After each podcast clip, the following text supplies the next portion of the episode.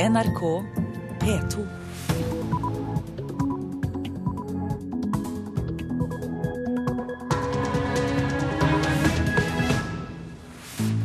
Her ønsker Øystein Heggen deg velkommen til Nyhetsmorgen mandag 3. februar. Klokka er 6.30. Dette er eh, våre overskrifter.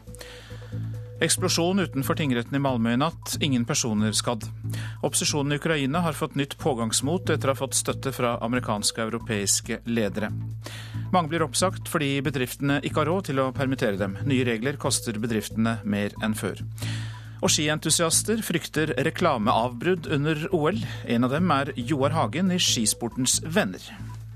På innspurten med Marit Bjørgen relaterer seg Johaug i, i tet, og foran eh, finaleomgangen i hopp og, og Bardal leder etter første omgang, sitter igjen på toppen. Da blir det ramaskrik. Men TV 2 svarer på bekymringsmeldingene her i Nyhetsmorgen. Det har vært en eksplosjon utenfor tingretten i Malmö i Sverige. I bygget er det bl.a. kontorer for politi, påtalemyndighet og Økokrim. Eksplosjonen skjedde i tretiden i natt. Deler av fasaden er ødelagt og flere ruter knust. Området er nå sperret av for tekniske undersøkelser, og bak sperringene er det glass overalt. Politiet vet ikke hva som har skjedd, men kaller smellet svært kraftig og avisen Ekspressen skriver at det er en bombe som har gått av. Bygget har fått store skader, men til alt hell skal ingen mennesker ha blitt skadet. Politiet forklarer at det ikke nylig er kommet noen konkrete trusler mot noen i bygget. Reporter Elise Heisel Asbjørnsen. Mange blir oppsagt fra jobben sin fordi bedriften ikke har råd til å permittere dem. Permitteringer koster bedriftene mer fra 1.1 enn før, og LO-lederen krever at regjeringen gjør det billigere igjen. Før helgen fikk 20 ansatte i bedriften Westcom beskjed om at de må gå, noe konsernsjefen beklager. Ja, Det er bare slik at Norge er et av de dyreste landene i verden å operere i. Eh, og da teller hver krone, eh, spesielt når vi konkurrerer med utlandet. Konsernsjef Arne Birkeland i Westcon leverer tjenester og produkter innen offshore, energi og maritim industri. Men ikke så mye som han håpet i det nye året. Før helgen måtte 20 ansatte gå. Nye regler som gjør det dyrere å permittere ansatte fra årsskiftet, er en viktig grunn til at det skjer. Og da eh, blir vi nødt til å kikke inn i planene våre en gang til og dessverre òg å gjøre vurderinger ut ifra de nye permitteringsreglene, og ikke slik de var i 2013. Det har blitt dyrere å permittere ansatte fra 1.1. Bl.a. må bedriftene betale for ti dager mer enn før, noe som gjør at bedrifter sier opp flere ansatte og permitterer færre. Konsernsjef Arne Birkeland i Westcon-gruppen skulle gjerne beholdt kompetansen han nå må si opp. Så Selv om innleie kan løse en sånn kapasitet eh, opp og ned i prosjekter, så er hele grunnbemanningen og grunnfilosofien eh, på de norske verftene at du har norske arbeidstakere som du har satsa langsiktig på. Det er fremtidig kompetanse som rammes mest hos deg nå? Ja, helt klart. Eksempelvis Westcon. Der sier, der sier konsernsjefen og Arne Birkeland at de er lei seg for at de må gå til det skrittet å varsle oppsigelser, og mener at flere ansatte ville vært vurdert permittert under det tidligere regelverket vi hadde, men at disse regelendringene fører til at deres bedrifter får mindre fleksibilitet med svingninger, og at de med det må si opp. Det er omtrent 3000 permitterte medarbeidere i industrien.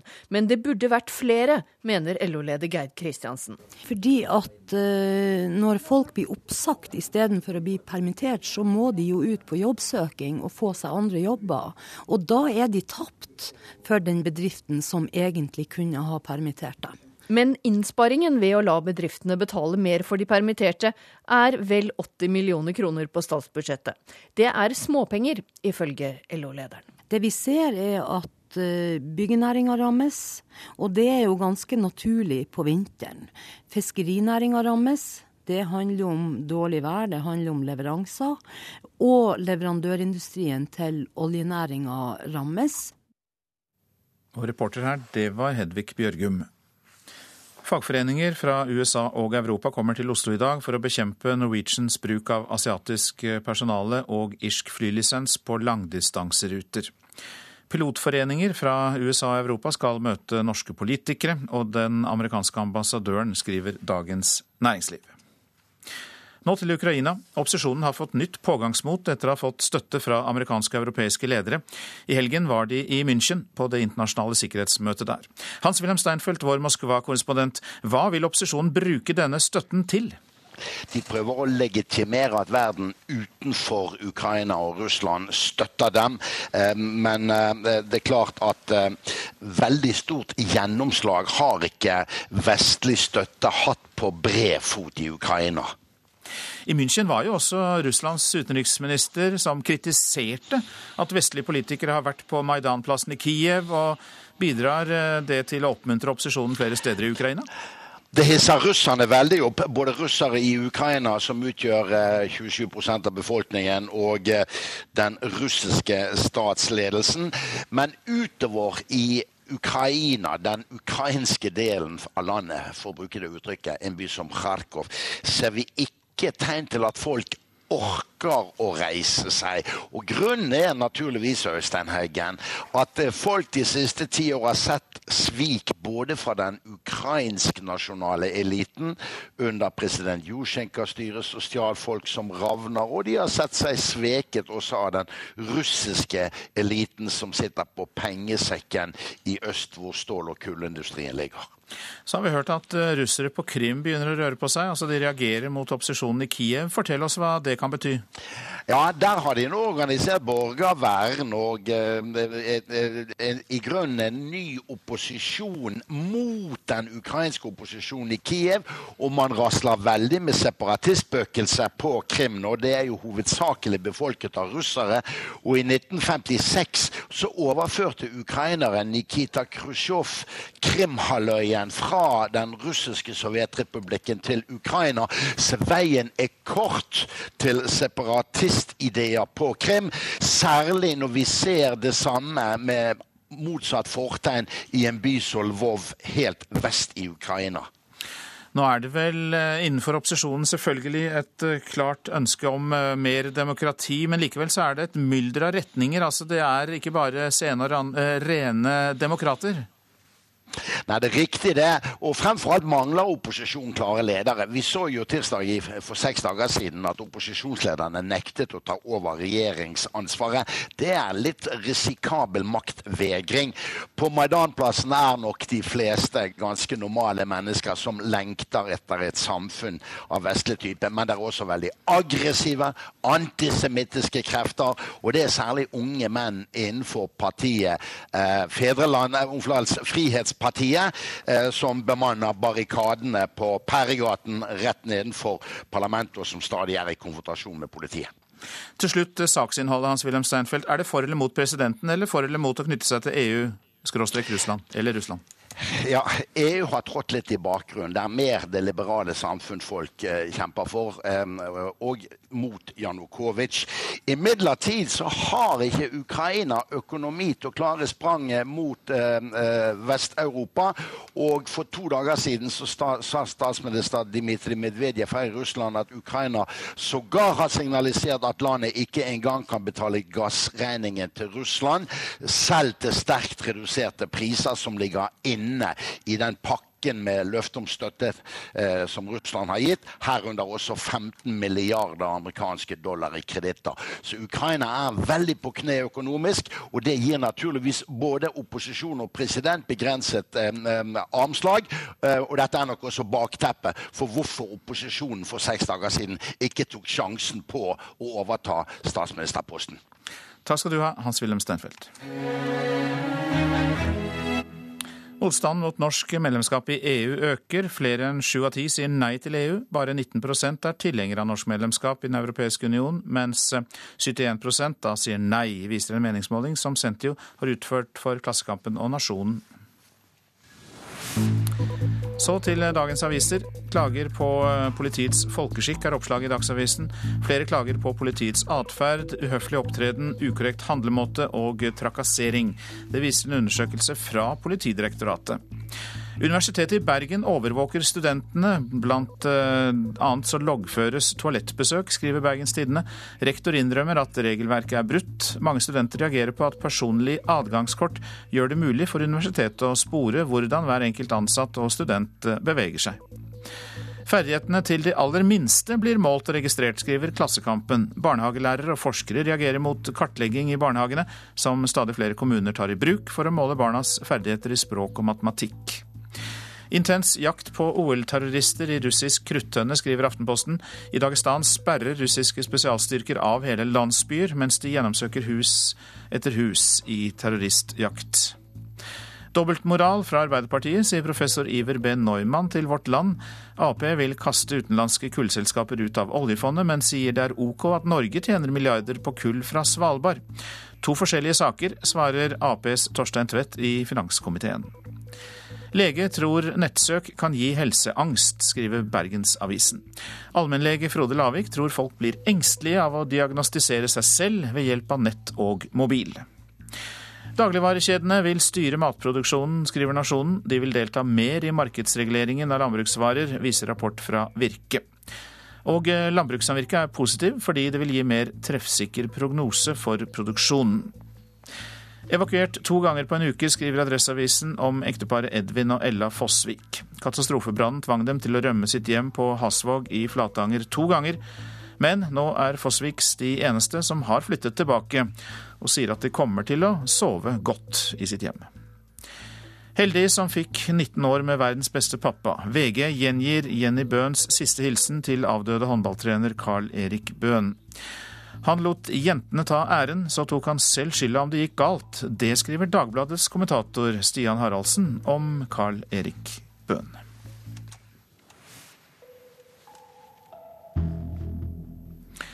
Amerikansk fotball. Seattle Seahawks vant i natt uh, høydepunktet, nemlig Superbowl-finalen. Seattle Seahawks slo Denver Broncos 43-8. Seattle in the white, Denver in the orange. Superbowl 48 is underway. 80 000 tilskuere var på plass, og millioner fulgte med verden rundt da den 48. utgaven av Superbowl ble sparket i gang. Tolv sekunder senere var marerittkvelden i gang for Broncos quarterback Peyton Manning. Han mistet et mottak, og det endte med en safety, noe som ga Seahawks en god start med 2-0. Den ledelsen skulle bare øke og øke. 23-0 var stillingen til pause når Bruno Mars lagde feststemning i New Jersey.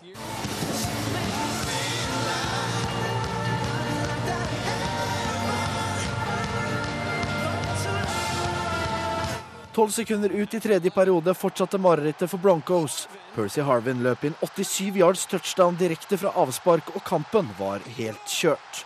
Seahawks ledet 36-0 før Broncos fikk poeng på tavla. Det endte til slutt 43-8 til Seahawks, som utklasset og ydmyket Broncos i natt.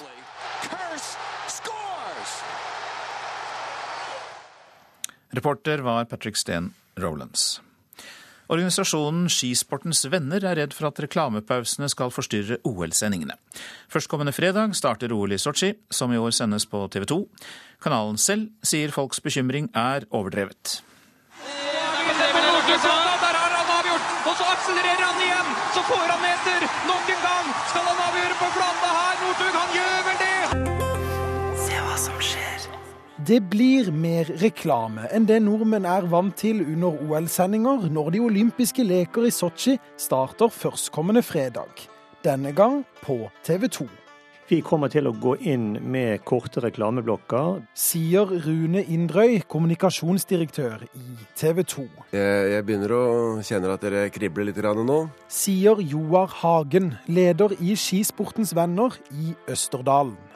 Joar er godt over gjennomsnittlig interessert i skisport, eller som han selv sier Fra en skala fra én til eh, ti, så er vel antageligvis tett oppunder ti. Han er også redd for at TV 2 sender reklame midt under favorittøvelsene. For hvis det TV 2 begynner å sende reklame når eh, på innspurten med Marit Bjørgen eller Therese Johaug i, i tet og foran eh, finaleomgangen i hopp, og, og Bardal leder etter første omgang, sitter alene på toppen, da blir det ramaskrik. Men Indrøy i TV 2 forteller at folk ikke trenger å bekymre seg for at Petter Northugs innspurt blir avbrutt med reklamepause. Vi kommer til å tilpasse dette her eh, etter begivenhetene. TV 2 har ikke lov til å sende mer enn tolv minutter reklame per time. Og regler som Kulturdepartementet vedtok i fjor, innebærer at kringkasterne nå står friere til å plassere reklamen der de vil. Derfor kan TV 2 la være å avbryte sendingene når det koker som mest. Men reklamemann og rektor ved Markedshøgskolen Trond Blindheim er sikker på at TV 2 likevel kommer til å utnytte muligheten. Ja, selvfølgelig vil de det. Altså, De kjøper jo dette arrangementet, OL-arrangementet for å tjene penger på reklame. slik at de vil nok sitte programmerere der og, og med, med, kalkulatoren og regne på hvor mange ganger kan vi bryte nå og vise reklamen. om. For det, det er det eneste som gir inntekter til TV 2, det er da reklame som de sender i tilknytning til programmene. Jo mer populært program, desto mer reklame. Indrøy i TV 2 tror folks skepsis er overdrevet. Den skepsisen som vi eh, møter her, det er for så vidt den samme skepsisen som vi møtte da vi overtok eh, norsk fotball for en del år tilbake. Det var angivelig noe som eh, ikke kunne skje andre steder enn på NRK. Det gikk vel ikke mer enn et par uker før de fleste så at dette løste TV 2 på en aldeles utmerket måte. Og reporter her, det var eh, Christian Ingebretsen. Klokka har passert 6.46. Dette er Nyhetsmorgen med disse hovedsakene. Eksplosjon utenfor tingretten i Malmö i natt. Ingen personer skadd. Opposisjonen i Ukraina har fått nytt pågangsmot etter å ha fått støtte fra amerikanske og europeiske ledere i helgen. Og mange blir oppsagt fordi bedriftene ikke har råd til å permittere dem. Nye regler koster bedriftene mer enn før. Politiet fryktet det verste da det nok en gang ble meldt om en skogbrann i Trøndelag, denne gang ved Sveberg i Malvik i går kveld, i et område nær bolighus. Det ble satt i verk full utrykning, og brannen utviklet seg raskt, sier Nils Johnsen i Trøndelag brann- og redningstjeneste. Vi eh, fikk en telefon om at det var en eh, skogbrann, eller en skog-lyngbrann under utvikling. Og vi fikk tilbakemeldinger hele tida på at det var tiltagende. Det var et område på ca. to mål lyng og skog som brann, i området mellom Malvik senter ved E6 og fjorden. Vi frykter det verste igjen, sa innsatsleder Roar Skjelvnes i politiet til NRK på brannstedet i går kveld, med tanke på alle storbrannene i Trøndelag i det siste, og roser brannvesenet for rask innsats. Og brannen kunne ha trua bostadhus, innrømmer fagleder Brann Nils Johnsen. Ja, vi ligger jo på toppen av Spiskarja, altså opp mot Sveberg. Eh, det er klart Hvis denne brannen får dratt litt lenger bort og oppover, så ligger det jo eh, ganske mange hus oppå toppen av Sveberg. Eh, så de har nok kunnet komme i fare. Men nå har vi òg etablert mannskapsbil med vannutlegg foran de husene, så det var vel det første vi prøvde å sikre. da. Årsaken var i går kveld ukjent til brannen, som oppsto i et område der det blir opparbeidet nytt bostadfelt. Dette gjorde tilkomsten enkel på nyanlagt vei, men en 420 volt strømkabel i området, med uttak for anleggsmaskiner, skapte også utfordringer. Og det ligger jo da eh, strømkabler oppå bakken. Eh, og Vi inspiserer jo kanskje først og fremst for å sjekke at det ikke står strøm, og at, vi, at de eventuelt er til fare for mannskapet vårt. Sivilforsvaret var tilkalla for vakttall nå i natt, og var på plass før klokka 11 i går kveld. Vi vet med sånne skog-lyngbranner at de dem går vi ikke ifra. så Det kan jo komme tilbake, vi vet ikke. Men foreløpig så ser det greit ut. Ja, det sa Nils Johnsen i Trøndelag brann- og redningstjeneste. Reporter var Magnar Branseth. Fra farlige flammer til truende istapper. Flere steder på Østlandet henger store istapper fra hustakene og med mildvær og smelting blir det ekstra farlig.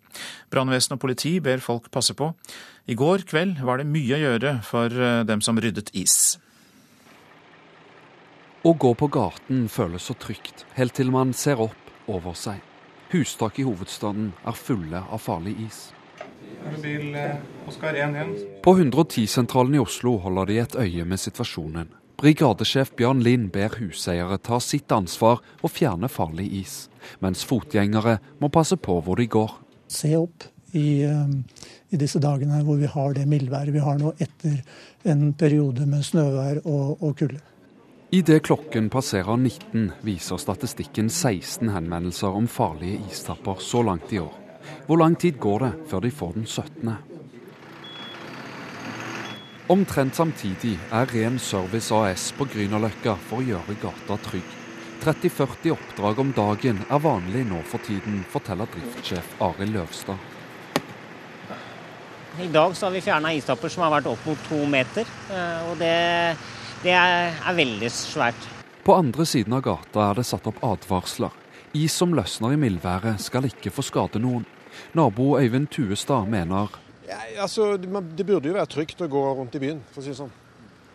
På Grünerløkka avslutter de for kvelden, men farlig is, det er det fortsatt mye av. Klokken er blitt litt over 1930. En drøy halvtime skulle det altså gå før årets 17. oppdrag ble ringt inn til Oslo brannvesen. Is er i ferd med å falle rett ned på et fortau. Pga. veiarbeidet her så er dette eneste passasjen forbi her i Rostøs gate. Og da vurderte Bymiljøetaten og politiet at dette må ryddes med en gang. Og ute i Oslogatene var reporter Martin Roaldsø. En pensjonert politimann fra Hedmark må i dag møte i retten, tiltalt for flere grove brudd på våpenloven. Hjemme hos mannen fant politiet nærmere 200 våpen og 13 000 skudd. Politiet mener mange av våpnene ble kjøpt ulovlig.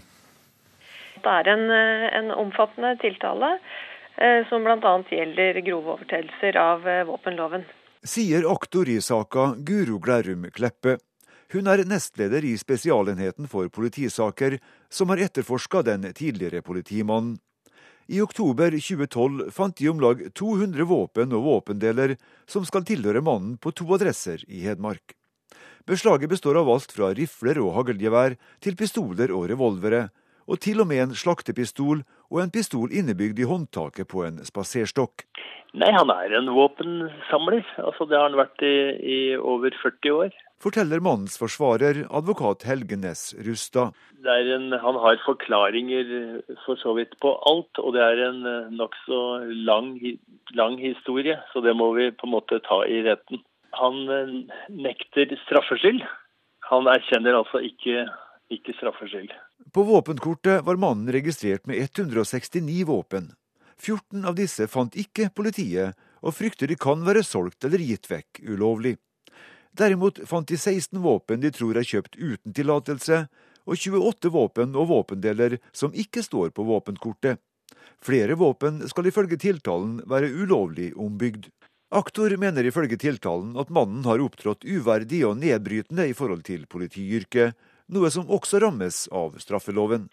Det at en eh, politimann står tiltalt, vil jo alltid eh, være spesielt Eh, med tanke på den rolle politifolk har i samfunnet. Reporter her, det var Kurt Sivertsen. Andelen barn med fødselsvekt over 400, 4500 gram har aldri vært lavere, og antallet fortsetter å synke. At det blir født færre tunge barn er positivt. Det sier overlege Anne Seierseth Bødker ved fødeavdelingen på Drammen sykehus. Hørte du noe på andre sida? Hørte du noe der? Lille Iben er sammen med mamma Kine ute til lunsj. Iført rosa sparkebukse beveger den lille kroppen seg ukontrollert. Gliset er på plass. Da Iben så dagens lys for fem måneder siden, var hun ikke blant de barna med for høy fødselsvekt. Hun var ganske liten, så hun veide 2,990, så rett under 3 kilo. Så hun var ikke så veldig stor. Og så var hun 48 lang, så hun var ikke den største av de. Andelen barn med for høy fødselsvekt, altså over 4500 gram, har aldri vært lavere. Og tallet fortsetter å synke. Det er vel sikkert noe med bevissthet rundt kosthold og at man tenker litt mer på det når man går gravid. Det, og da skjer jo det at man går ned, altså at barna blir mindre også. Så det er jo kjempebra. Det er veldig greit at de ikke er altfor store når de skal komme ut òg. hadde du mye fokus på det når du gikk gravid? Ja, det hadde jeg. At det var greit å gå opp det jeg trengte å gå opp. Men jeg spiste sunt og bevega meg hele tida. Det var ikke noen grunn til å spise for to, selv om hun var inni magen min. På 2000-tallet snakket man om en fødselsvektepidemi, hvor 5% ble født med en vekt over 4500 gram. For høy fødselsvekt kan føre til komplikasjoner hos den nyfødte. Men siden 2000 har andelen sunket jevnt, og er nå nede på under 3 Dette skyldes økende fokus på temaet, sier overlege Anne Sejersted Bødker ved fødeavdelingen på Drammen sykehus. Og på sykehuset hos oss så har vi i hvert fall etter år 2000 startet med gruppeundervisning av ernæringsfysiolog. Der får altså både diabetikere og de som er overvektige, eh, de får kostholdsveiledning i grupper. Og jeg vet at allmennpraktikere og jordmødre ute driver i økende grad med mm, kostveiledning, oppfordring til mosjon. Og eh, man tar også nå glukosebelastningstest, altså sjekker om folk har en latent diabetes på alle som har en BMI over 37 og som er over 35 år. Og på den måten så finner man kanskje noen latente mm, diabetes som man ikke oppdaget før. Colaen er altså byttet ut med vann. Sofatiden er erstattet med gåturer, og mødre med BMI over 37 sjekkes for diabetes. Fordi Kine gikk opp normalt i løpet av svangerskapet, snakka legene og sykepleierne lite om vekt til henne. Jeg gikk opp helt normalt hele tida. Eh, men jeg vet om andre som har hatt mye større fokus på det. Men jeg gikk opp ja, lite gjennom svangerskapet, så da var det ikke superfokus på det heller. Det er sikkert fordi at jeg snakka såpass mye om det sjøl at det var ikke noe grunn til å snakke så mye om det til meg.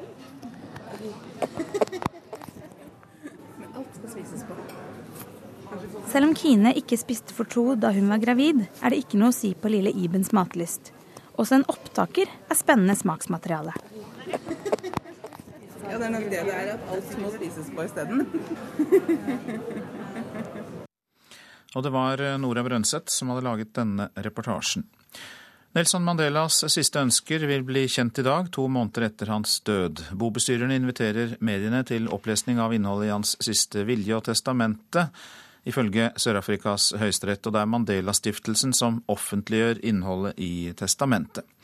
Mandela ble Sør-Afrikas første svarte president i 1994, som vi vet, etter å ha tilbrakt 27 år i fengsel, og han døde da 5.12. i fjor. Så til et eh, værvarsel fram til midnatt. Fjell i Sør-Norge, sørlig stiv kuling utsatte steder. Fra i formiddag stort sett opphold. Østland og Telemark stort sett oppholdsvær, lokal tåke. Agder stort sett opphold, lokal tåke også der. I kveld liten kuling vest for Oksøy og vest for Lindesnes stiv kuling. Rogaland får sørøst liten kuling, i kveld sterk kuling utsatte steder og oppholdsvær. Hordaland, Sogn og Fjordane og Møre og Romsdal sør- eller sørvest stiv til sterk kuling på kysten, etter hvert opphold. Trøndelag sørøst stiv kuling utsatte steder, i kveld bris. Opphold fra i ettermiddag litt regn nord i Trøndelag.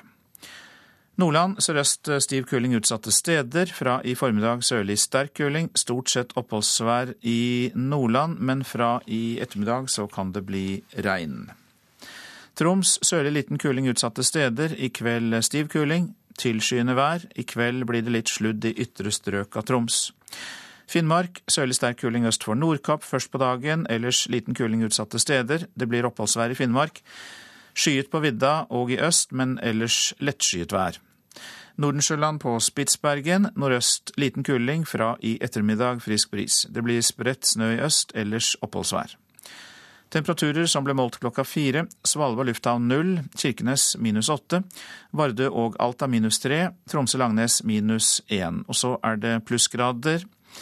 Bodø fem, Brønnøysund sju, Trondheim-Værnes seks, Molde åtte, Bergen-Flesland og Stavanger begge seks.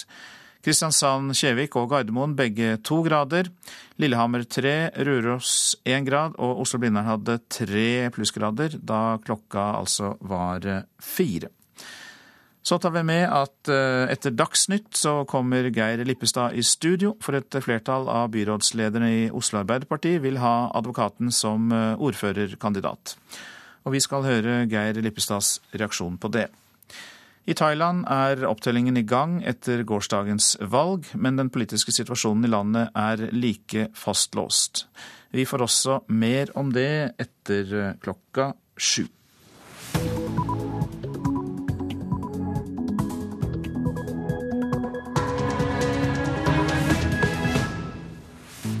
Nyhetsmorgen fortsetter med disse sakene. Norske kvinner som er gravide med tvillinger, reiser til utlandet for å abortere ett av fostrene. Som vi hørte i Dagsnytt, et flertall av byrådslederne i Oslo Arbeiderparti, eh, bydelslederne skal det være, vil ha Geir Lippestad som ordførerkandidat. Og Geir Lippestad kommer til Nyhetsmorgen. I Thailand er opptellingen i gang etter gårsdagens valg, men den politiske situasjonen i landet er like fastlåst. Ja, Norske kvinner som er gravide med tvillinger, reiser til utlandet for å abortere ett av fostrene. Årsaken er at de ikke makter tanken på å bli tvillingmødre. Klinikken Tutor Medica i Spania tar årlig imot norske kvinner.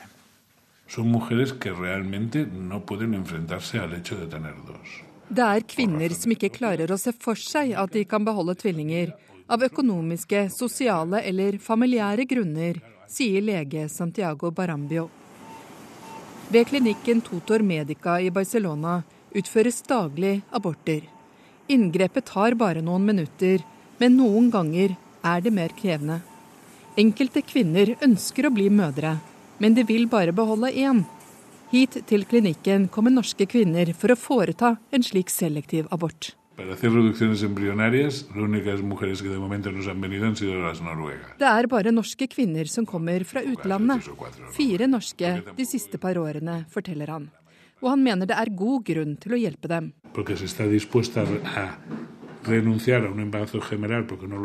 De er parat til å avbryte hele svangerskapet når de kommer hit, fordi de ikke klarer å håndtere mer enn ett barn, sier han. Men inngrepet er risikofylt. Mange mister begge, forteller han. I 88% av tilfellene vil det likevel gå bra, anslår han. Noen statistikk finnes ikke. Barambio mener det ikke er uetisk, fordi det motsatte er verre. Det er selvbestemt abort. Hun har dermed rett til å abortere begge, sier han. På norske internettforum blir det å fjerne ett av flere foster, såkalt fosterreduksjon, jevnlig tatt opp til diskusjon. En kvinne skriver at hun ikke orker å ha to på en gang, og spør om det er mulig å ta abort på bare én av tvillingene. I tillegg til Spania skriver kvinnene at de reiser til England og Danmark for å utføre fosterreduksjoner. Da blir saltvann sprøyta inn i hjertet til fosteret, og det dør med en gang. Men inngrepet er regna som etisk problematisk. Det er vanskelig fordi at du skal la noen lever og ikke noen andre. Sier overlege og leder i Norsk gynekologisk forening, Jone Trovik. Hun sier mange av kvinnene som blir gravide med tvillinger eller flere, har vært gjennom en behandling først. Når disse kvinnene som som regel blir planlagt gravide, og de blir planlagt gravide på en måte som eh, hvor man bevisst setter tilbake to egg, eller man gir medisiner i så store doser at de får veldig mange befruktninger, så skal de i utgangspunktet ha den eh, sosiale setting og fysisk og psykisk helse til at de kan tåle en eh, svangerskap med mer enn ett foster. Norsk lov sier ingenting om fosterreduksjon på friske foster er lov. Da abortloven ble vedtatt, var ikke problemstillinga aktuell. Men teknologien forandrer seg, og i 2001 kom Helsedepartementet frem til at hvis det ene fosteret var sykt, kunne det aborteres. Nå jobber departementet med å ta stilling til om kvinner som er gravide med flere friske foster, kan få avslutte livet til noen og la andre leve. Trovik i Norsk gynekologisk forening mener mye må til for at det skal være lov. Hvis det skal være tillatelig, så eh, må det være noe med den totale situasjonen hos kvinnen som gjør at hun ikke tåler å være gravid med mer enn ett foster. At hun skal være, bli mye sykere av å gå gravid med tvillinger f.eks. enn med ett foster. Og det vil være en utrolig sjelden situasjon. Reportere her Åse Marit Befring og Kristine Svendsen. Ola Didrik Saugstad, god morgen. Du er professor i barnemedisin ved Universitetet i eh, Oslo. Og aller først, eh, når og hvordan oppsto dette med det som her da kalles fosterreduksjon eller selektiv abort? Ja, Det var jo i forbindelse med at man fra midten av 1980-årene fikk uh, nye teknikker til å bekjempe barnløshet med. Det var først og fremst prøverørsbefruktning og hormonbehandling. Det viste seg at uh, disse behandlingsformene førte til at man fikk mer flerlinger, altså tvillinger, trillinger, uh, firlinger. Jeg var selv med på på Rikshospitalet fra midten av 80-tallet til å ta imot en rekke trillinger og firlinger. Så, som på slutten av 1980-tallet var det noen fødselsleger som fant ut at uh, hvis man aborterer én eller flere av disse fostrene, så man reduserer f.eks. trillingsvangerskap til tvillinger, eller fillingsvangerskap til eh, tvillinger, så eh, kunne man også redusere de problemene som kan oppstå, nemlig at barnet har en tendens til å bli født for tidlig, og med de potensielle skader som dette kan medføre. Her hørte vi om kvinner som reiser til utlandet for å abortere én av to tvillinger, f.eks. Hva syns du om det? Nei, Vi vet at uh, altså tvillinger har en noe øket uh, risiko for å bli født for tidlig. Men hvis begge fostrene er friske, så er den medisinske prognosen veldig god. Jeg tror at både norske og internasjonale fagmiljøer frykter en utvikling hvor dette skal gripe om seg. For det er ikke noen, i hvert fall ikke noen medisinsk grunnlag for en slik eh, praksis. Likevel så kan man da si at uh, det er bedre enn alternativet, nemlig å ta abort på alle. At, uh, at man uh, beholder ett barn eller færre. Ja, det kan du si, men selv er jeg redd for en slik problemstilling, altså, som vi hørte tidligere i reportasjen, at dette er jo etisk svært problematisk. Jeg tror at dette vil kunne øke presset på den gravide kvinnen, og også på helsepersonell. Eh, så jeg vil i grunnen oppfordre regjeringen til at man får et, eh, lager et lovforslag eh, som, som går imot en slik praksis. Nå, Som du nevnte helt i starten, så er det jo slik at flerlingsvangerskap ofte skjer etter kunstig befruktning eller hormonbehandling. Hvordan kan man unngå at det skjer, eller redusere eh, sannsynligheten? Ja, I Norge og vår del av verden så har man klart å redusere dette problemet betydelig ved at man ved prøverørsbefruktning setter inn bare ett, eventuelt to befruktede egg. Men eh, i utlandet, hvor man har eh, private prøverørsklinikker, vil man ofte av kommersielle hensyn sette inn flere egg. Fordi det er lønner seg for dem å ha en høy gravitetsrate. Jeg har selv eh, sett slike klinikker i utlandet på nært hold, og jeg må si at jeg syns at det representerer betydelig, betydelig etisk eh, problem. Etter eh, min mening så kan det ikke være slik at profitthensyn skal sette dagsorden i slike spørsmål. Takk for at du kom til Nyhetsmorgen, Ola Didrik Saugstad, som altså er professor i barnemedisin ved Universitetet i Oslo. Takk skal du ha.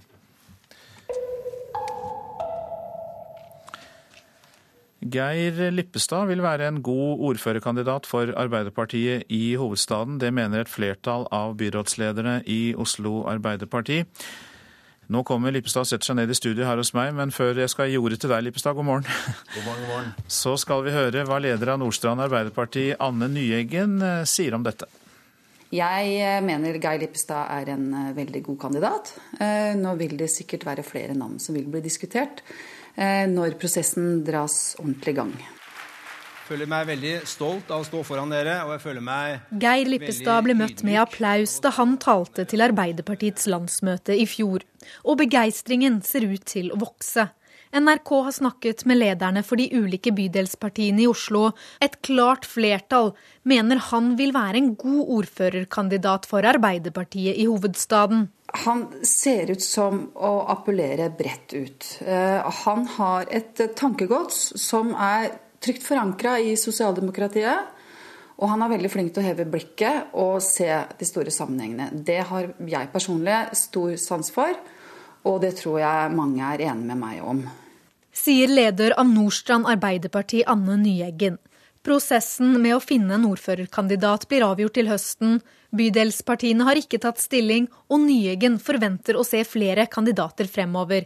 Men slik det ser ut nå, vil hun støtte Lippestad som ordførerkandidat hvis han vil. Altså, vi, vi står overfor en sterk konkurranse fra, fra, den borgerlige siden. Så vi må ha en eh, ordførerkandidat eh, og en byrådskandidat også, som appellerer bredt, og som kan matche de kreftene vi står overfor. Og der er Geir Lippestad en mann som kan innfri? Ja, det mener jeg. Er det noen andre som kan danke han ut som ordførerkandidat i Arbeiderpartiet, som du ser det? Det vet jeg ikke. Som sagt så er det veldig tidlig i, eh, i prosessen. Prosessen er jo ikke i gang ennå. Men eh, jeg vil si at han, eh, hvis han vil stille, så vil han være en sterk kandidat. Og han appellerer bredt ut. Det så vi bl.a. i valgkampen sist høst, hvor han deltok aktivt også, også her på Nordstrand. Reporter Veronica Westerin. Og vi har jo allerede ønsket deg velkommen, Geir Lippestad. Du er da advokat og partner i advokatfirmaet Lippestad og styreleder i den sosialdemokratiske tankesmien Agenda, sånn at vi har fått med oss det også. Men hvordan er det å sitte og høre seg selv omtalt på denne måten? Det er alltid eh, hyggelig eh, å få sånne gode ord. Eh, det er klart. Eh, når det gjelder spørsmålet om ordførerkandidat, så, så er jo dette noe jeg aldri har blitt spurt om. Eh, og i grunnen heller aldri reflektert over tidligere. Eh, det var vel NRK for en ukes tid siden som første gang brakte dette på, på banen. Så, og da svarte jeg at, at, dette er en veldig fremmed tanke for meg. Jeg, jeg, trives veldig godt som advokat og legger veldig mye av mine krefter inn i det arbeidet. Så som sagt, dette er en veldig ny tanke hos meg. Ny tanke, men har du tenkt deg tanken om hvordan det eventuelt eh, ville være? Nei, vet du hva, det har jeg ikke, ikke gjort. Eh, eh, jeg tenker og bruker all min energi på, på, det jeg jobber med nå. Og så er det veldig hyggelig at man får sånn omtale. Jeg er en samfunnsengasjert person og forsøker å bidra med det lille som jeg kan bidra med i, i samfunnet, med de tanker og ideer og gjennom det partiet jeg er engasjert i. Men eh, som sagt, dette er aldri noe som har vært fremme i hjerneparken min. Derfor har jeg heller aldri tenkt på det. Nå sitter jo alle lytterne, inkludert meg også, da, og, og har lyst til å stille følgende korte spørsmål. Spør de, sier du ja? Som sagt, man kan liksom ikke svare på et så alvorlig spørsmål uten at eh, det har vært aktuelt. Og, og, jeg tror jeg bare må fortsette å si det, at dette er en veldig veldig fremmed tanke for meg. Når jeg først har det her, da, hva skal eventuelt til for at du får uh, lyst på et slikt verv? Jeg tror ikke jeg kan eh, si noe konkret eh, om det eh, heller. Det som er helt sikkert, det er at Oslo som, som landets hovedstad har, har, jo en del muligheter, mange muligheter, men også en del eh, utfordringer. Og det som jeg helt sikkert kommer til å gjøre, det er å være aktiv i det partiet som jeg er aktiv i fremover, for å, for å få Oslo eh, videre i den utviklingen som vi er. Et multikulturelt samfunn hvor vi skal leve sammen og utvikle oss som by. Det, det er en veldig viktig ting. I tillegg til eh, det å utvikle Oslo bl.a. som en multikulturell by, hva er, hva er viktig for deg for Oslo? Hva er viktig å få til i Oslo? Det er mange ting. Altså, vi husker jo i fjor dette med trygghet er viktig for en, for en by som Oslo. Men fremfor alt tenker jeg det med å ha en by hvor eh, de som bor der, forstår hverandre, og eh, der hvor eh, Eh, ikke bare forstår hverandre, men respekterer hverandre og jobber sammen for at denne byen skal bli best mulig. Det tenker jeg er viktig. Og da tenker jeg på innbyggerne. Så her handler det om å, å ha en, en, leder som er samlende. Der syns jeg jo på mange måter at Fabian Stang har vært uh, veldig god eh, som ordfører. I dag tildeles du og din kone Livsvernprisen fra organisasjonen Menneskeverd for deres engasjement for mennesker med nedsatt funksjonsevne. Vi vil gjerne gratulere med det også. Tusen hjertelig takk. Det er vi veldig stolte av. Og eh, hva tenkte du da den prisen eh, ble kunngjort for deg? Ja, Det er et felt jeg har tenkt mye på gjennom, eh, gjennom, mange mange år. Og det at vi har stått opp og forsøkt å gi mennesker med funksjonshemming et et både ansikt og også fortalt om de utfordringene som, som ligger der. Det syns jeg har vært uh, viktig, og at vi blir satt pris på i den anledning, jeg er veldig veldig glad for. Så jeg gleder meg til dagen i dag. Vi skal møte mange hyggelige mennesker, og, og det blir en fin dag for oss. Hjertelig takk for at du kom til Nyhetsmorgen, Geir eh, Lippestad. Selv takk. Så skal vi eh, slå fast at du lytter til Nyhetsmorgen, at klokka går mot 7.18. Dette er eh, hovedsaker. Norske kvinner som er gravide med tvillinger, reiser til utlandet for å abortere et av fostrene. Årsaken er at de ikke makter tanken på å bli tvillingmødre. Det har vært en eksplosjon utenfor tingretten i Malmö i natt, men ingen personer er skadd. Og som vi nå har hørt, et flertall av bydelslederne i Oslo Arbeiderparti vil ha Geir Lippestad som ordførerkandidat. Men noe klart svar det fikk vi jo ikke fra Geir Lippestad nå. Men han likte jo den omtalen han har fått av bydelslederne i Arbeiderpartiet. I Thailand er opptellingen i gang etter gårsdagens valg, men den politiske situasjonen i landet er like fastlåst. Valgkommisjonen sier det kan ta opptil et halvt år å gjennomføre omvalgene som må til for å fylle alle plasser i nasjonalforsamlingen. Når blir det slutt på konfliktene og urolighetene? Det er det som er det store spørsmålet som regjeringen må svare på, sier medlem av den thailandske valgkommisjonen Somchai Sisutia Korn. Først da vil valget kunne fullføres, legger han til. Det er liten tvil om at statsminister Yingluck Shinawats parti vant de fleste av stemmene som ble avgitt i går. Men valget ble boikottet av det største opposisjonspartiet. Stemmegivningen ble avbrutt i 69 av landets 375 valgkretser. Og foreløpig mangler det nok kandidater til å danne et beslutningsdyktig parlament når valget først er fullført. Og det kan ta tid å gjennomføre alle omvalgene som kreves, opptil et halvt år, mener valgkommisjonen.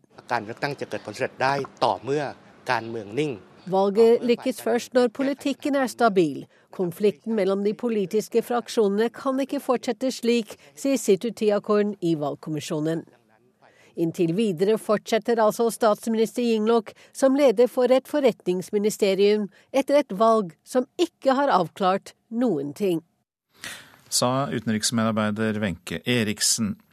Og Martin Nilsen, du er seniorforsker ved PRIO, Fredsforskningsinstituttet, og er med oss fra studio i Hønefoss. God morgen til deg. God morgen. Hvordan vil du karakterisere gårsdagens valg? Eh, vi kan si at det at valget tross demonstrasjoner og blokader lot seg gjennomføre i rundt 90% av valgkretsene, det gir første stikk til statsminister Yingluck Shinawat og partiet hennes Pak Puethei i denne fasen av Thailands vedvarende politiske krise. Nå er det jo to fløyer som står eh, så tydelig imot hverandre. og eh, Opposisjonen ønsket jo ikke dette valget. Er det en udemokratisk eh, opposisjon som ikke representerer en valgt regjering, eller har opposisjonen legitime grunner til sine protester? Altså, Den politiske situasjonen i landet nå er fremdeles uavklart, og den vil fortsette å være det i lang tid fremover. Eh, det er en maktkamp som har utspilt seg for åpen scene nå siden militærkuppet for snart åtte år siden. Og det handler om to eliters forsøk på å posisjonere seg i den kritiske fasen som Thailand eh, har foran seg, når den 86 år gamle eh, kong Bomibon ikke lenger sitter ved tronen. Og da den tradisjonelle eliten i Bangkok vil gjøre alt i sin makt for at Taksin-fløyen, som da jo eh, Yinglok representerer, ikke kontrollerer parlamentet i denne kritiske fasen. Og den beste måten å gjøre det her på, det er å sette den demokratiske prosessen midlertidig til side.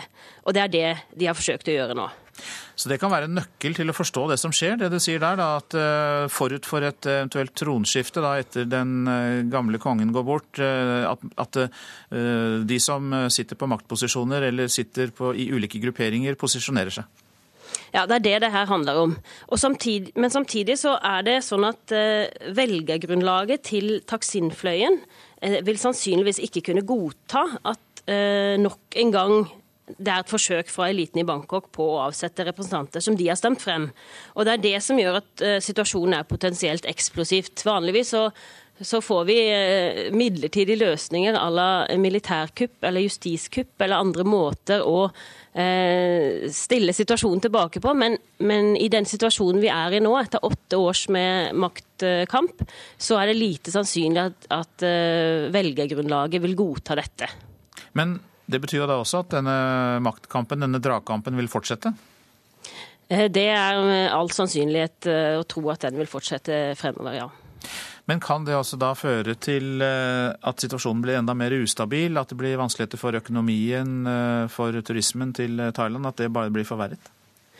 Turismen har ikke lidd nevneverdig foreløpig, fordi at uh, dette her foregår stort sett i uh, deler av Bangkok, men også i, mer i periferien i distriktene er den hvor eller hvor, hvor, regjeringen har sin støtte.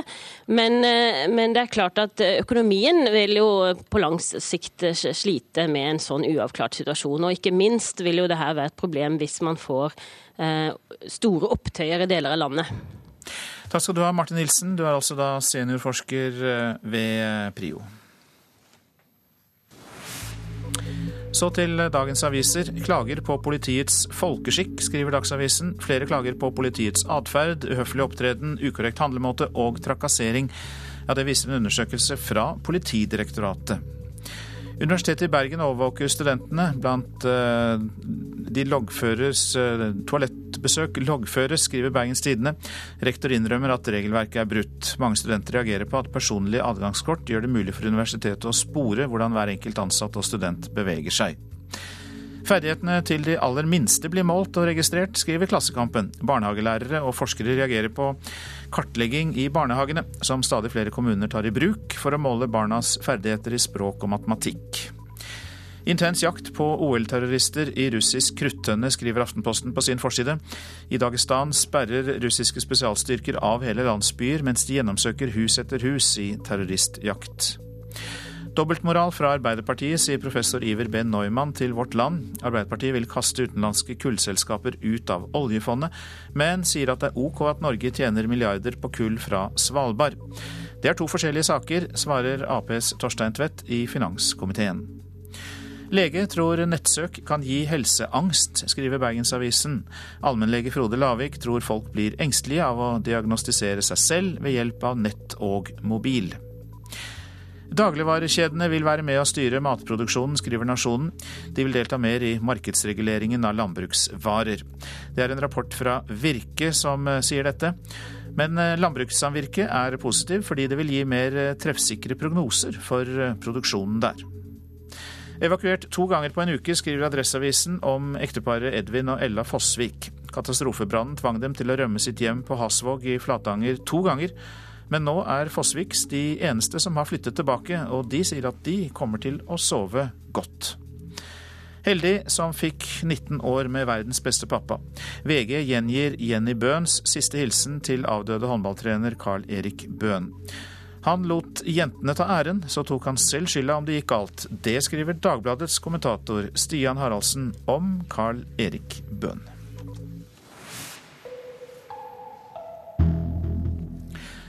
Demente forårsaker flere leteaksjoner hvert år. De forviller seg hjemmefra eller fra sykehjem. I Nordre Land kommune i Oppland skal man nå teste ut GPS-sporing av en gruppe personer med demens. Målet er å øke sikkerheten både for dem og for deres pårørende. Jeg tror denne teknologien er viktig for å bedre tryggheten til våre innbyggere, eh, vår pasientgruppe, fordi det er kaldt og det er grisgrendt. I forrige uke vedtok Nordre Land kommune å starte et prøveprosjekt med GPS-sporing av personer med demens.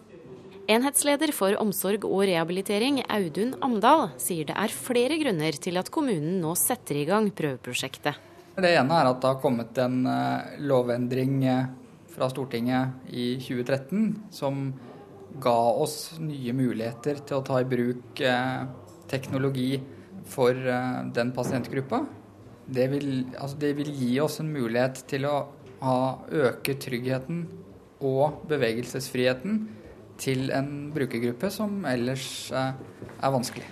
Prosjektet vil pågå i et halvt år, og formålet er å teste om GPS-teknologien er trygg nok. Vi ønsker å se både brukersnittet, teknologien, stabilitet, batterikapasitet, eh, altså de ytre forutsetningene for å lykkes. Eh, og så vil vi da evaluere det i en større evaluering før vi ser om vi skal fortsette med GPS-sporing i en større skala. Senest i januar ble det iverksatt en større leteaksjon i Os i Hedmark etter en eldre kvinne med demens ble borte fra institusjonen hun bodde på. Bjørn Evensen er leder for hjemmetjenesten på Dokka, og han kan fortelle at det er vanskelig å vite hvor man skal begynne å lete hvis en person med demens er borte fra hjemmet. Det er ikke så lett å se hvor man skal begynne å lete hen. Nei. Man kan selvfølgelig kontakte pårørende og ringe på mobiltelefon og sånne ting. Men det er jo vanskelig i forhold til den brukergruppa her. Så det er en stor utfordring.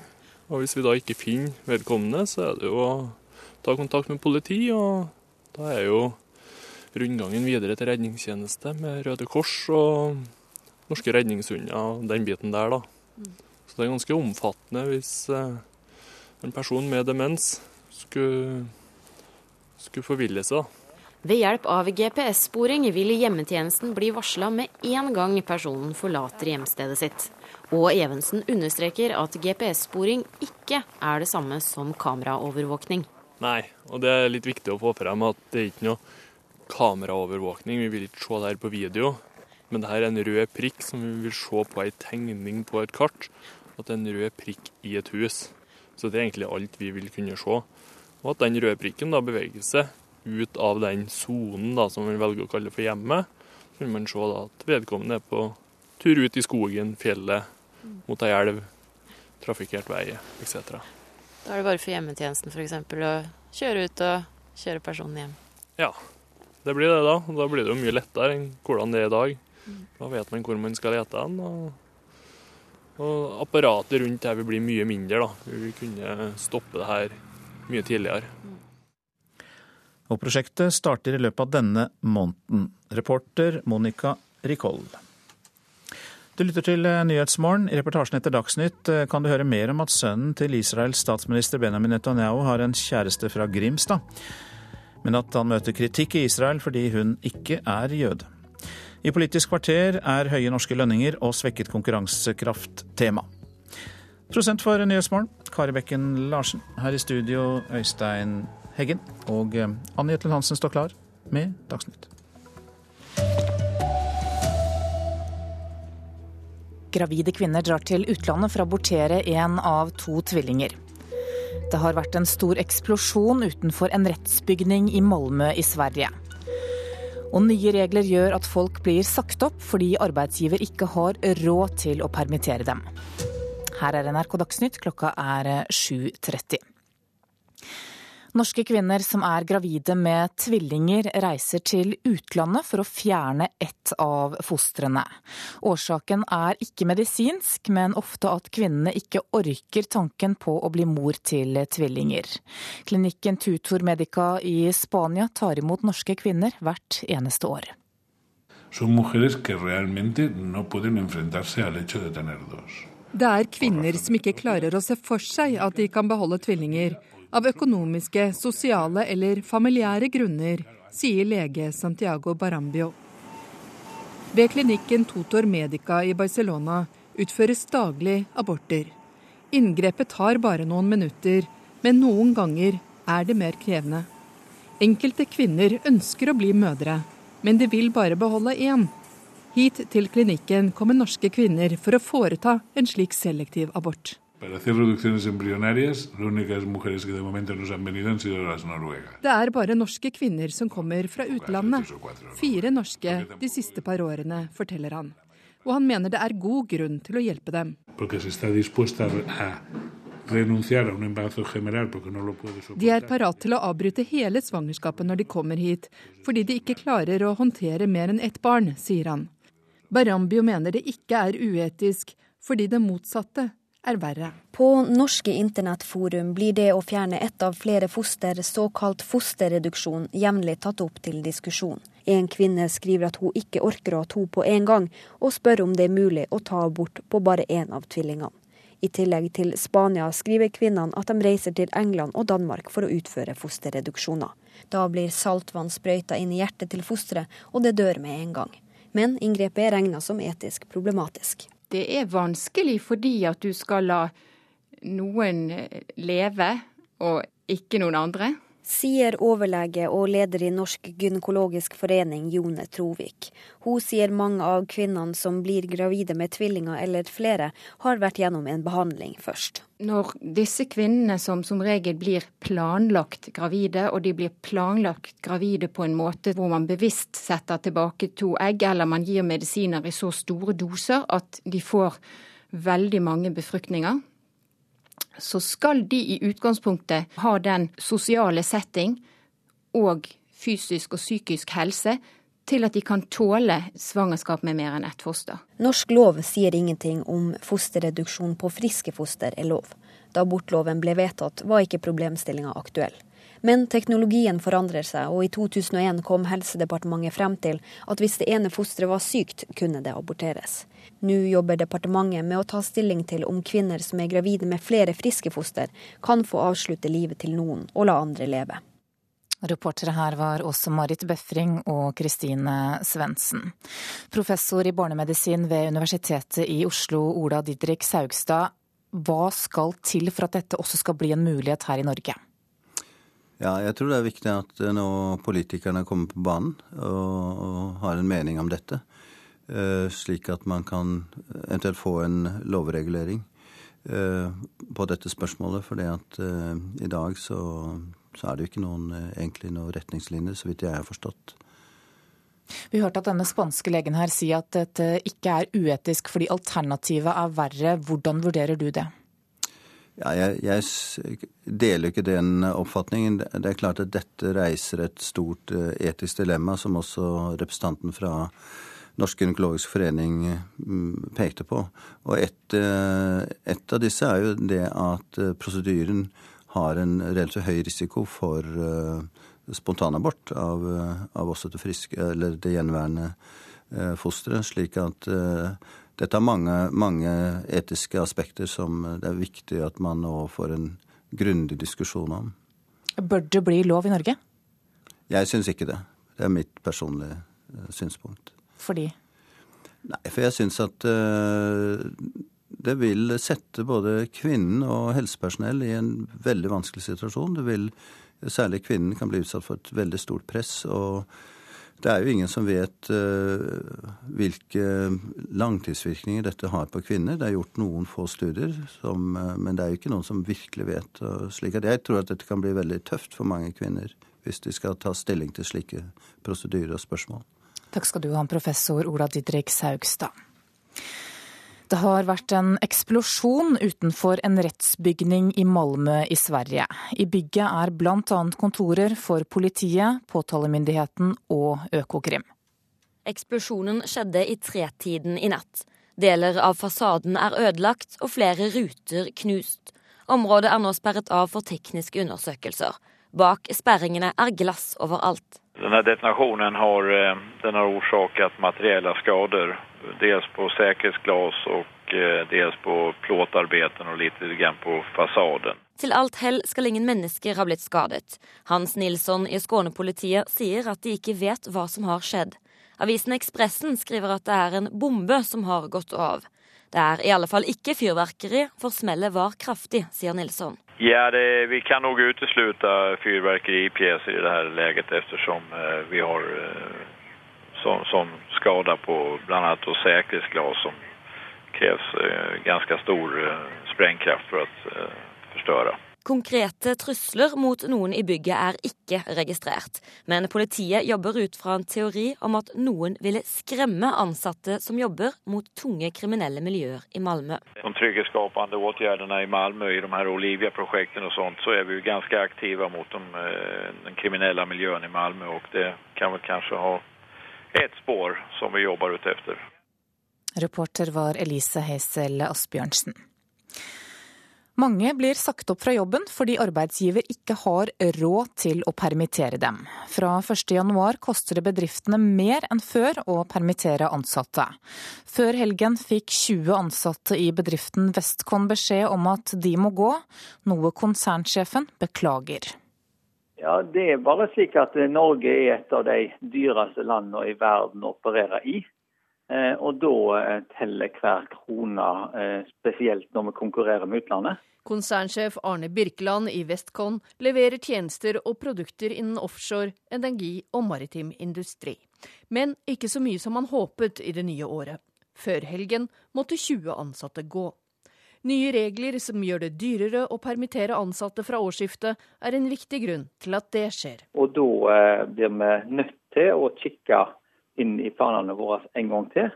Og dessverre òg å gjøre vurderinger ut ifra de nye permitteringsreglene og ikke slik det var i 2013. Det har blitt dyrere å permittere ansatte fra 1.1. Blant annet må bedriftene betale for ti dager mer enn før, noe som gjør at bedrifter sier opp flere ansatte og permitterer færre. Det er omtrent 3000 permitterte medarbeidere i industrien, men det burde vært flere, mener LO-leder Geir Kristiansen. Eksempelvis Westcon.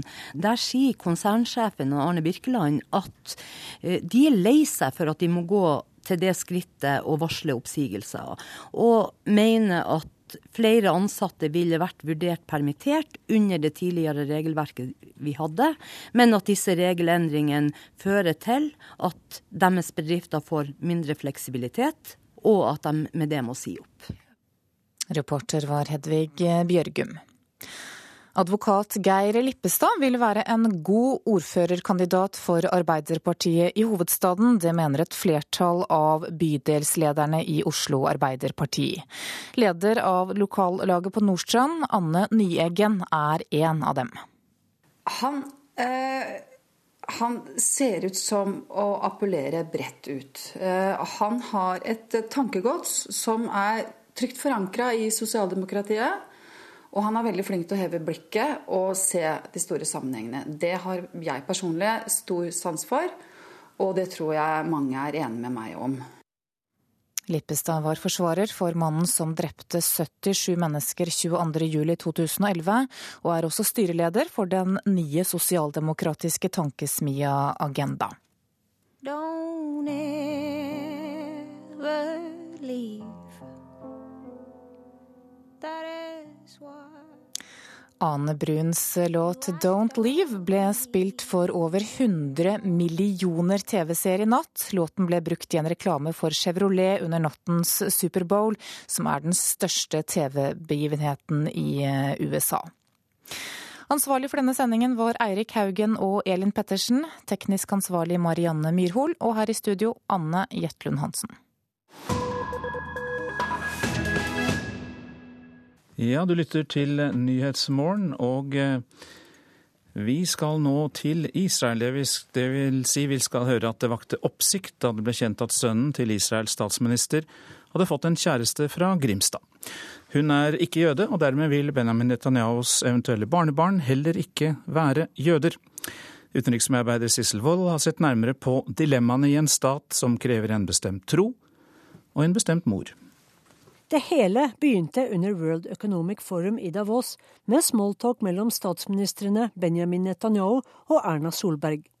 Kanskje for å si noe hyggelig etter mange års beskyldninger om at Norge er en av verdens mest anti-israelske, ja antisemittiske land, fortalte Netanyahu at sønnen hans, Yair, har en norsk girlfriend, altså kjæreste.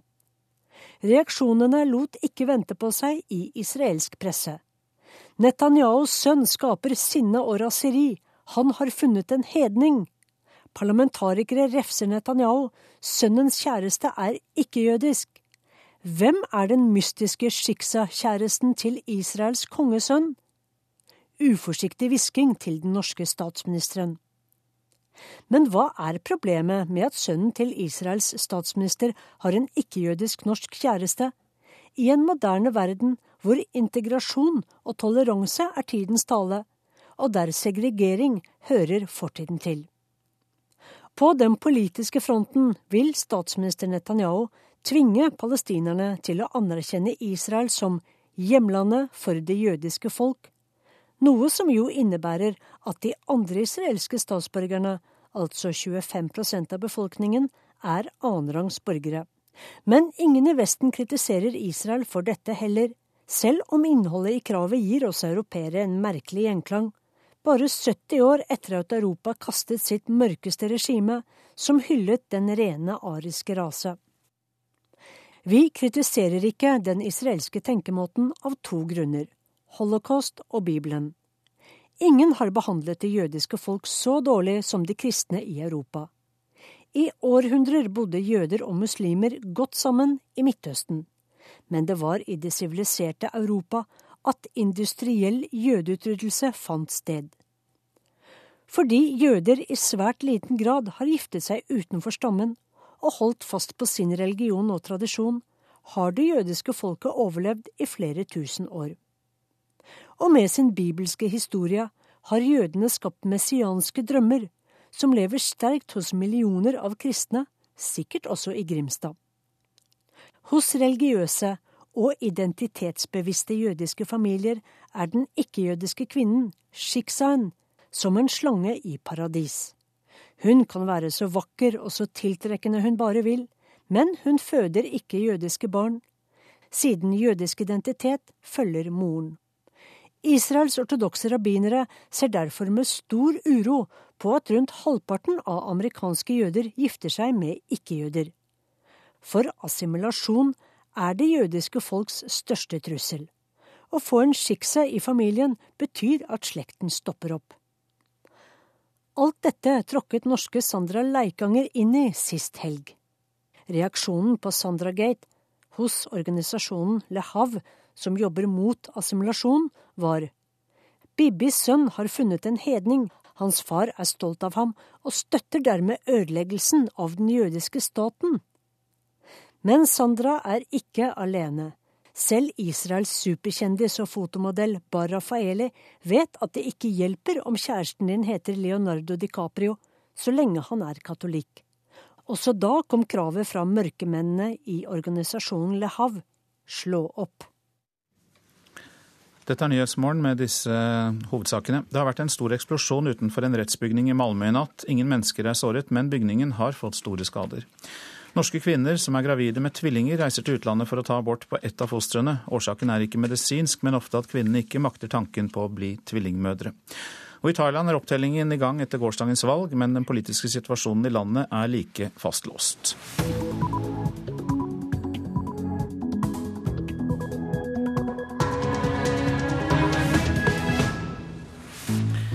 Nå er det Nyhetsmorgen du lytter til. Dette er noen av våre hovedsaker nå klokka 8.30. Gravide kvinner drar til utlandet for å abortere én av to tvillinger. Nye regler gjør at folk blir sagt opp fordi arbeidsgiverne ikke har råd til å permittere dem. Og det har vært en stor eksplosjon utenfor en rettsbygning i Malmö i Sverige.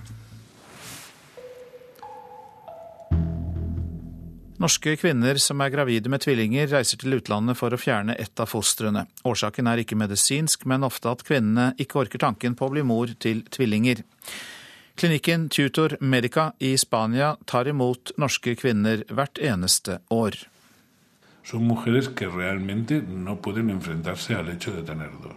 Det er kvinner som ikke klarer å se for seg at de kan beholde tvillinger, av økonomiske, sosiale eller familiære grunner sier lege Santiago Barambio.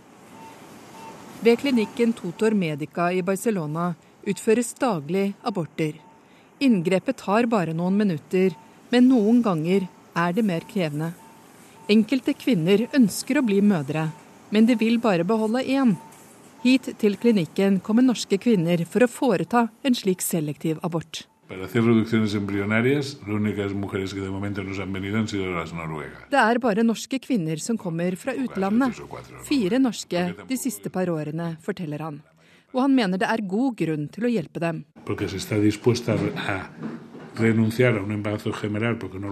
De er parat til å avbryte hele svangerskapet når de kommer hit, fordi de ikke klarer å håndtere mer enn ett barn, sier han. Barambio mener det ikke er uetisk, fordi det motsatte er verre. På norske internettforum blir det å fjerne ett av flere foster, såkalt fosterreduksjon, jevnlig tatt opp til diskusjon. En kvinne skriver at hun ikke orker å ha to på en gang, og spør om det er mulig å ta abort på bare én av tvillingene. I tillegg til Spania skriver kvinnene at de reiser til England og Danmark for å utføre fosterreduksjoner. Da blir saltvann sprøyta inn i hjertet til fosteret, og det dør med en gang. Men inngrepet er regna som etisk problematisk det er vanskelig fordi at du skal la noen leve og ikke noen andre sier overlege og leder i Norsk gynekologisk forening Jone Trovik. Hun sier mange av kvinnene som blir gravide med tvillinger eller flere, har vært gjennom en behandling først. Når disse kvinnene som som regel blir planlagt gravide, og de blir planlagt gravide på en måte hvor man bevisst setter tilbake to egg, eller man gir medisiner i så store doser at de får veldig mange befruktninger, så skal de i utgangspunktet ha den sosiale setting og fysisk og psykisk helse til at de kan tåle svangerskap med mer enn ett foster. Norsk lov sier ingenting om fosterreduksjon på friske foster er lov. Da abortloven ble vedtatt, var ikke problemstillinga aktuell.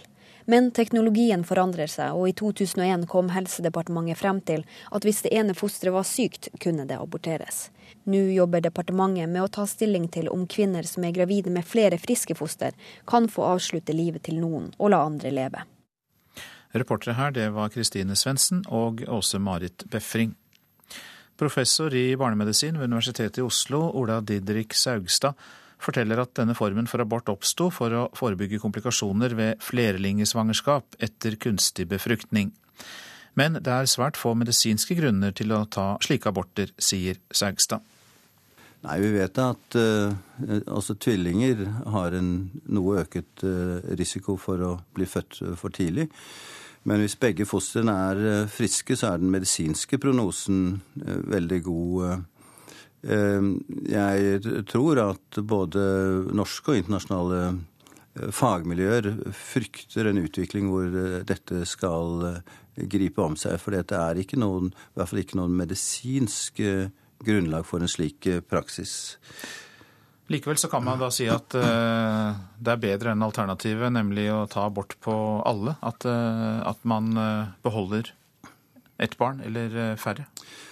Ja, det kan du si, men selv er jeg redd for en slik problemstilling, også som vi hørte tidligere i reportasjen, at dette er jo etisk svært problematisk. Jeg tror at dette vil kunne øke presset på den gravide kvinnen, og også på helsepersonell. Eh, så jeg vil i grunnen oppfordre regjeringen til at man får et, eh, lager et lovforslag eh, som, som går imot en slik praksis. Nå, Som du nevnte helt i starten, så er det jo slik at flerlingesvangerskap ofte skjer etter kunstig befruktning eller hormonbehandling. Hvordan kan man unngå at det skjer, eller redusere eh, sannsynligheten?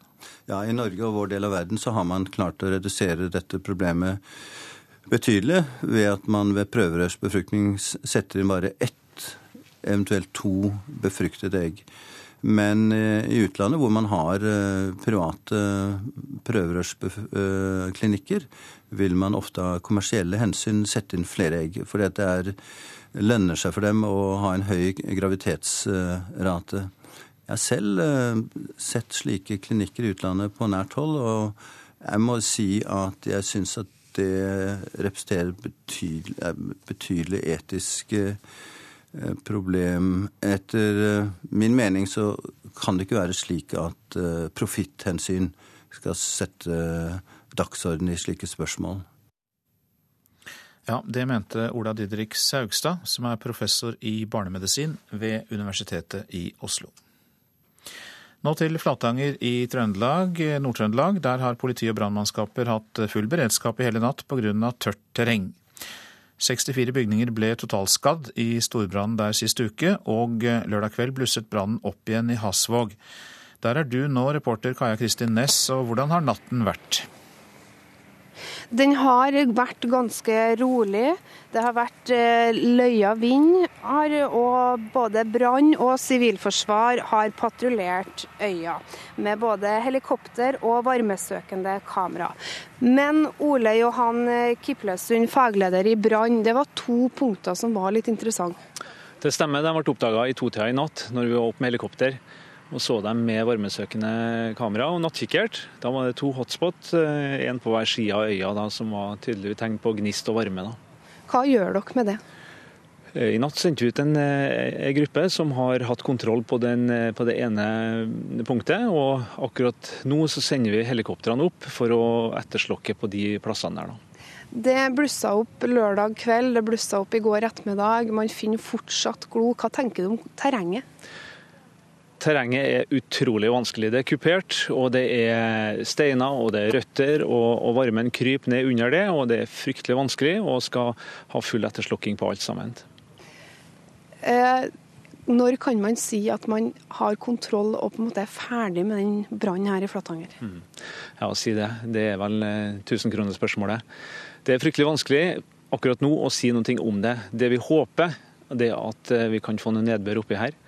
Heldigvis er det meldt litt regn i dag, men dessverre så ser det ut som det blir for lite. men vi tar en dag av gangen, time for time, og så får vi evaluere fortløpende hendelsen her. Brann og beredskap er altså i full Brann og sivilforsvar er altså i full beredskap her i Hasvåg. Det er meldt litt grann regn, så det er bra, men de har funnet to plasser med glo i natt. Takk til deg, reporter Kaja Kristin Næss. Hun hadde altså med seg eh, fagleder for brann ved brannvesenet i Stjørdal, Ole Johan Kiplesund. Det har vært en eksplosjon utenfor en rettsbygning i Malmö i Sverige. I bygget er bl.a. Eh, kontorer for politi, påtalemyndighet og eh, Økokrim. Eksplosjonen skjedde i tretiden i natt. Deler av fasaden er ødelagt og flere ruter knust. Området er nå sperret av for tekniske undersøkelser. Bak sperringene er glass overalt. Denne detonasjonen har, eh, den har årsaket materielle skader. Dels på sikkerhetsglass og Eh, dels på plåtarbeten og litt på fasaden. Til alt hell skal ingen mennesker ha blitt skadet. Hans Nilsson i Skåne-politiet sier at de ikke vet hva som har skjedd. Avisen Ekspressen skriver at det er en bombe som har gått av. Det er i alle fall ikke fyrverkeri, for smellet var kraftig, sier Nilsson. Ja, det, Vi kan nok utelukke fyrverkeripjeser i dette leget, ettersom eh, vi har eh, som, som skader på bl.a. sikkerhetsglass som kreves eh, ganske stor eh, sprengkraft for å eh, forstørre. Konkrete trusler mot noen i bygget er ikke registrert, men politiet jobber ut fra en teori om at noen ville skremme ansatte som jobber mot tunge kriminelle miljøer i Malmö. De trygghetsskapende tiltakene i Malmö i de her Olivia-prosjektene og sånt, så er vi jo ganske aktive mot de, den kriminelle miljøen i Malmö og det kan vel kanskje ha et spår som vi jobber ut efter. Reporter her, det var Elise Høisel Asbjørnsen. Mange blir sagt opp fra jobben sin fordi arbeidsgiver ikke har råd til å permittere dem. Fra 1.1 koster det bedriftene mer enn før å permittere ansatte. Før helgen fikk 20 ansatte i bedriften Westcon beskjed om at de må gå, noe konsernsjefen beklager. Ja, Det er bare slik at Norge er et av de dyreste landene i verden å operere i. Eh, og da eh, teller hver krone, eh, spesielt når vi konkurrerer med utlandet. Konsernsjef Arne Birkeland i Westcon leverer tjenester og produkter innen offshore, energi og maritim industri. Men ikke så mye som han håpet i det nye året. Før helgen måtte 20 ansatte gå. Nye regler som gjør det dyrere å permittere ansatte fra årsskiftet, er en viktig grunn til at det skjer. Og da blir vi nødt til å kikke inn i planene våre en gang til. Og dessverre òg å gjøre vurderinger ut ifra de nye permitteringsreglene, og ikke slik de var i 2013. Det har blitt dyrere å permittere ansatte fra 1.1. Bl.a. må bedriftene betale for ti dager mer enn før, noe som gjør at bedrifter sier opp flere ansatte og permitterer færre.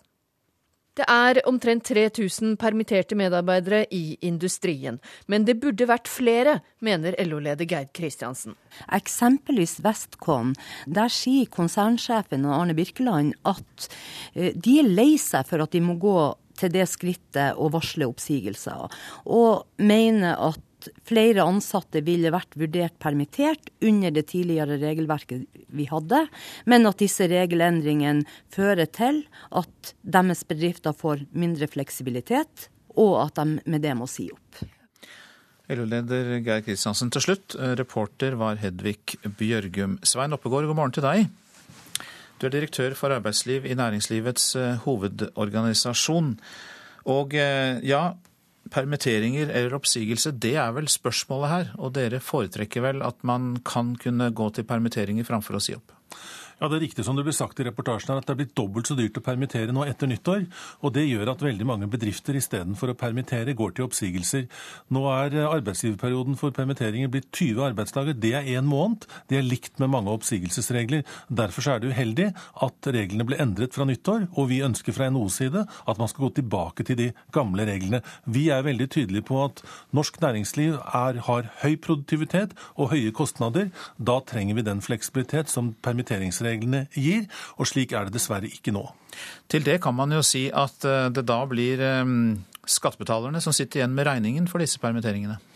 Det er alltid en kostnad eh, for samfunnet, og eh, vi mener det er riktig bruk av midlene å sørge for at arbeidstakere blir knyttet til bedriften istedenfor å bli sendt ut i ledighet. Det er veldig viktig for mange bedrifter å beholde arbeidsstyrken, og den tilknytningen man har gjennom permitteringsreglene er viktige. Derfor så er vi oppfordrer vi regjeringen til å snu i dette spørsmålet. Hvordan tolker du og dere støtten fra LO-leder Geir Kristiansen?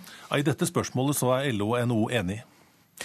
Men dere er da ikke enig med den eh, borgerlige regjeringen, Høyre-Fremskrittspartiet, som sier at den er næringsvennlig?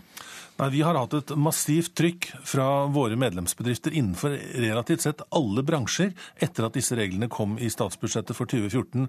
og Derfor er vi også så tydelige på at nå må regjeringen gjøre en endring på dette. Vi var godt fornøyd med arbeidsminister Robert Erikssons helomvending når det gjaldt praktisering av regelverket. Nå tar vi opp spørsmålet om å endre reglene slik det var før nyttår. Ok, Hvis samfunnet skal betale mer av dette og bedriftene mindre, hva får samfunnet igjen for det? Samfunnet får tilbake arbeidskraft som er stabil, som er produktiv, som er dyktig. Det er det norsk næringsliv trenger i dag. Vi trenger ikke arbeidstakere som går rundt uten å ha noen verdens ting å gjøre. Og tilknytning til bedriftene er viktige. Og vi ser også at arbeidsmarkedsetaten, Nav, kan gjøre mye i permitteringsperiodene ved å styrke medarbeidernes kompetanse når de er permittert. Takk skal du ha, direktør for arbeidsliv i Næringslivet næringslivets hovedorganisasjon, Svein Oppegård. Du lytter til Nyhetsmorgen, og klokka den går mot kvart på ni. Dette er noen av hovedsakene. Gravide kvinner drar til utlandet for å abortere én av to tvillinger. Det har vært en stor eksplosjon utenfor en rettsbygning i Malmö i Sverige. Og som vi hørte, nye regler gjør at folk blir sagt opp fordi arbeidsgivere ikke har råd til å permittere dem etter de nye reglene som kom 1.1.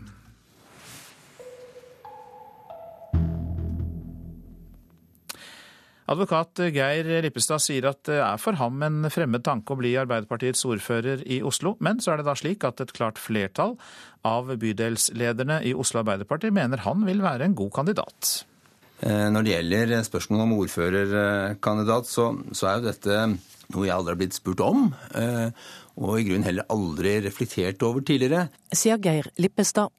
Det er snart to uker siden NRK hadde nyheten om at sterke krefter i partiet ønsker seg Lippestad som ordførerkandidat ved valget neste høst. Og Da svarte jeg at, eh, at dette er en veldig fremmed tanke for meg. Jeg, jeg, trives veldig godt som advokat og legger veldig mye av mine krefter inn i det arbeidet. Så som sagt, dette er en veldig ny tanke hos meg. NRK har snakket med lederne for de ulike bydelspartiene i Oslo, og et flertall av dem mener altså at han vil være en god kandidat. Leder av Nordstrand Arbeiderparti, Anne Nyeggen, er en av dem. Jeg eh, mener Geir Lippestad er en eh, veldig god kandidat. Jeg føler meg veldig stolt av å stå foran dere, og jeg føler meg Geir Lippestad ble møtt med applaus da han talte til Arbeiderpartiets landsmøte i fjor, og begeistringen ser ut til å vokse. Eh, han har et tankegods som er trygt forankra i sosialdemokratiet. Og han er veldig flink til å heve blikket og se de store sammenhengene. Det har jeg personlig stor sans for, og det tror jeg mange er enig med meg om. Prosessen med å finne en ordførerkandidat blir avgjort til høsten. Bydelspartiene har ikke tatt stilling, og Nyeggen forventer å se flere kandidater fremover. Men slik det ser ut nå, vil hun støtte Lippestad som ordførerkandidat hvis han vil. Og det gjenstår altså å se. Han setter pris på godordene, men vil ikke svare på om det overhodet kan bli aktuelt. Men tanker om hovedstadens utfordringer og muligheter det har han. Og det som jeg helt sikkert kommer til å gjøre, det er å være aktiv i det partiet som jeg er aktiv i fremover, for å, for å få Oslo eh, videre i den utviklingen som vi er. Et multikulturelt samfunn hvor vi skal leve sammen og utvikle oss som by. Det, det er en veldig viktig ting. Advokat Geir Lippestad der, og reportere Katrin Hellesnes og Veronica Westrin. Stadig flere klager på politiet pga. uhøflig opptreden, ukorrekt handlemåte og trakassering. Samtidig er det færre som klager på maktmisbruk, brudd på taushetsplikt og politiets saksbehandlingstid. Ja, dette skriver Dagsavisen. De viser til en undersøkelse laget av Politidirektoratet, og den viser at 57% av dem som klager, gjør det pga. politiets atferd. 31% klager på saksbehandling eller service. Flyselskapet Ryanair hadde et underskudd på over 300 millioner de tre siste månedene i fjor. Dette er det største kvartalstapet for det irske lavprisselskapet siden 2008. Konsernsjef Michael O'Leary sier at årsaken er et svakt britisk pund og priskrigen i luftfarten i Europa. I Thailand er opptellingen i gang etter gårsdagens valg, men den politiske situasjonen i landet er like fastlåst. Valgkommisjonen sier det kan ta opptil et halvt år å få gjennomført omvalgene som må til for å fylle alle plassene i nasjonalforsamlingen.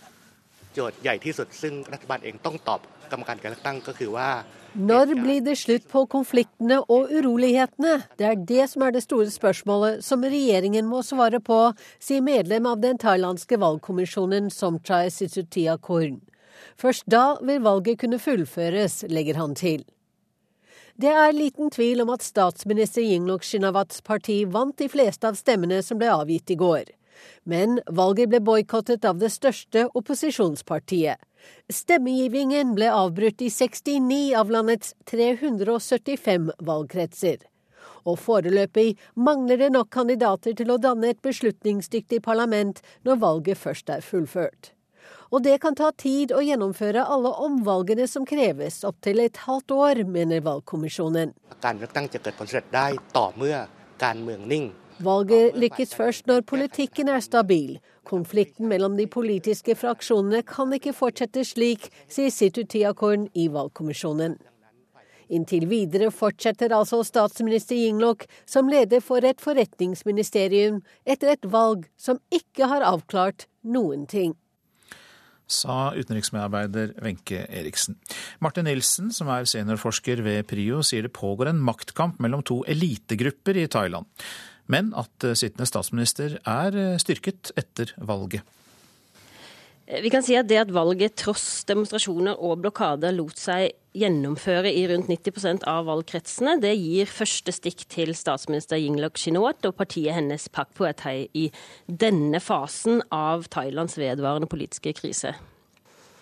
Den politiske situasjonen i landet nå er fremdeles uavklart, og den vil fortsette å være det i lang tid fremover. Eh, det er en maktkamp som har utspilt seg for åpen scene nå siden militærkuppet for snart åtte år siden. Og det handler om to eliters forsøk på å posisjonere seg i den kritiske fasen som Thailand eh, har foran seg, når den 86 år gamle eh, kong Bomibon ikke lenger sitter ved tronen. Så det kan være en nøkkel til å forstå det som skjer, det du sier der. Da, at uh, forut for et eventuelt tronskifte da, etter den uh, gamle kongen går bort, uh, at, at de som sitter på maktposisjoner eller sitter på, i ulike grupperinger, posisjonerer seg. Ja, det er det det her handler om. Samtidig, men samtidig så er det sånn at velgergrunnlaget til Taksin-fløyen vil sannsynligvis ikke kunne godta at nok en gang det er et forsøk fra eliten i Bangkok på å avsette representanter som de har stemt frem. Og Det er det som gjør at uh, situasjonen er potensielt eksplosivt. Vanligvis så, så får vi uh, midlertidige løsninger à la militærkupp eller justiskupp eller andre måter å uh, stille situasjonen tilbake på. Men, men, i den situasjonen vi er i nå, etter åtte års med maktkamp, så er det lite sannsynlig at, at velgergrunnlaget vil godta dette. Men det betyr jo da også at denne maktkampen, denne dragkampen, vil fortsette? Eh, det er med all sannsynlighet eh, å tro at den vil fortsette fremover, ja. Martin Nilsen sa det, seniorforsker ved Fredsforskningsinstituttet. Og så sier jeg god morgen til Jang Ing Christoffersen. Takk. For vi skal snakke om kinesisk nyttår som startet i helgen. Og det er jo en høytid som varer i 15 dager og er veldig viktig for kineserne. Og det har vært markeringer eh, her i Norge også. Hvordan markerer dere? Jo, eh, vi hadde en kjempestor eh, fest hvor vi inviterte eh, både kinesere og nordmenn og folk fra andre nasjoner, pluss politikere og myndighetspersoner, med god mat, dans, musikk og masse nettverksbygging. Og fyrverkeri også, eller? Ja. Sånn visuelt. Ikke, i, i, Norge er det ikke lov å fyre uh, kinapute utenom nyttår. Så vi, vi, brukte TV og internett. TV-fyrverkeri, eller på skjerm da, sikkert. Ja. ja. Men det er jo hestens år i år, og du har skrevet i en pressemelding at det passer veldig godt med det som foregår i Kina og verden for øvrig. Eh, hvorfor det? Jo, uh, hesten uh, i kinesisk mytologi symboliserer endringer og uh, fremgang. Og eh, vi vet at eh, det skjer store strukturerte endringer nå eh, i Kina, som er veldig viktige. Ikke bare for Kina, men kanskje viktigere for hele verden. Så, så det er en spennende tid. Så i hestens år, ifølge vår tradisjonelle tro, skal mye skje, mye endring skje. Og jeg håper det skjer i, i riktig endring. Du sa dere hadde invitert mange til feiringen, mange norske også. og Merker du en økt interesse for eh, Kina og Øst-Asia nå? Ja, absolutt. Det er eh, en voldsom økning i, i, i, interesse for Kina og det som skjer i Kina. Eh, jeg tror det er fordi at eh, det som skjer i Kina har så stor påvirkning både økonomisk og politisk for hva som skjer i andre verdensdeler. Derfor er det både nordmenn og ellers begynner å, å se opp til Kina og, og føle nøye med hva som skjer i Kina akkurat for tiden. Så vi eh, kan få flere kinesiske nyttårsfeiringer i Norge i årene fremover, da, tror du? I hvert fall vi skal fortsette vår tradisjon, og vi skal holde det årlige feilinget. Det gjør vi. Det lover du, i hvert fall. Ja. Takk for at du kom, eh, Zhang-Ing Christoffersen, og snakket til oss om eh, kinesisk nyttårsfeiring. Ja, fra Kina og rett til USA, for Seattle Seahawks vant i natt høydepunktet for amerikansk fotball, Superbowl. Seattle in the white, Denver in the orange. Superbowl 48 is underway. Over 80 000 tilskuere var på plass i New Jersey i natt når Seattle Seahawks og Denver Broncos møttes til dyst i den 48. utgaven av Superbowl i natt. Kampen ble vist på den amerikanske TV-kanalen Fox samt at millioner av mennesker verden over satt benket for å få med seg en av verdens største idrettsbegivenheter. Fire millioner dollar kostet det å få vist en 30 sekunders lang reklamefilm i pausen. Det er ny prisrekord og viser hvor stort Superbowl er. Selve kampen ble aldri spennende. Seattle Seahawks var totalt overlegne, og til pause var stillingen hele 23-0. Da var det duket for pauseshow signert Bruno Mars.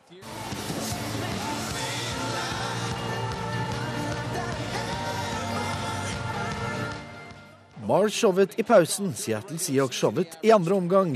Denvers quarterback Peyton Manning er en legende innen amerikansk fotball, men i natt sviktet han totalt. Han gjorde flere feil i kampen som gjorde at Seahawks kunne skåre touchdown. Den 48. utgaven av Superbowl ble aldri spennende. Den ble vunnet av Seattle Seahawks. Det endte 43-8. Og reporter her, det var Patrick Steen Rolands. Don't ever leave.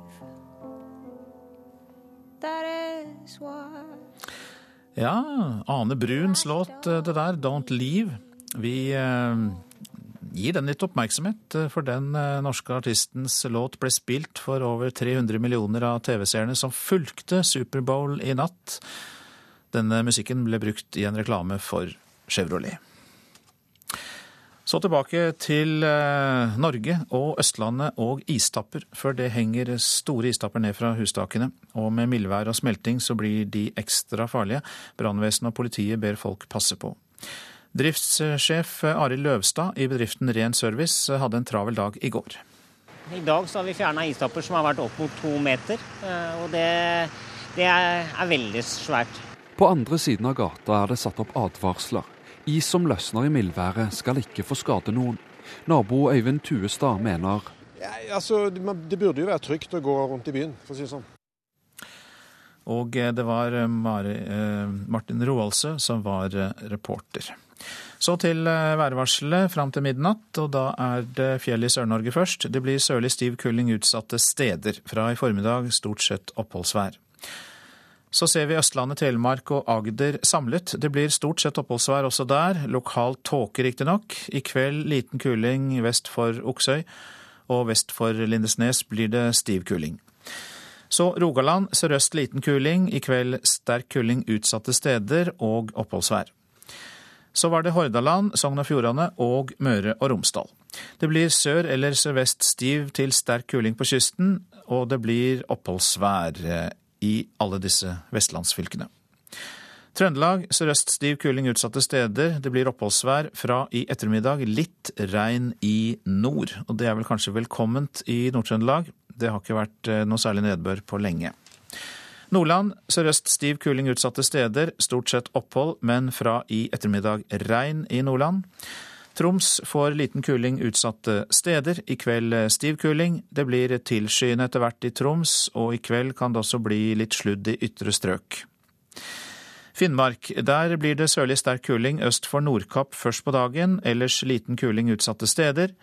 Det blir oppholdsvær i Finnmark, skyet på vidda og i øst, men ellers i fylket lettskyet. Nordensjøland på Spitsbergen sørøst liten kuling, spredt snø i øst, ellers oppholdsvær. Så tar vi med oss temperaturene, og disse ble målt klokka sju. Svalbard lufthavn null grader, og så er det noen eh, få minusgrader i dag. Kirkenes minus sju, Vardø minus tre, Alta minus to. Tromsø-Langnes null grader. Og så går vi over på plussgrader i resten av landet. Bodø fem, Brønnøysund sju, Trondheim-Værnes åtte, Molde fem, Bergen-Flesland seks. Stavanger 5, Kristiansand-Kjevik 3, Gardermoen 2, Lillehammer 3, Røros 2 og Oslo-Blindern hadde 3 grader da klokka var eh, sju. Elin Pettersen var eh, ansvarlig for eh, nyhetene på radio på morgenkvisten. Kari Bekken Larsen var produsent for Nyhetsmorgen. Det var Mari Janne Myrhol som var teknisk ansvarlig, og programleder Øystein Heggen.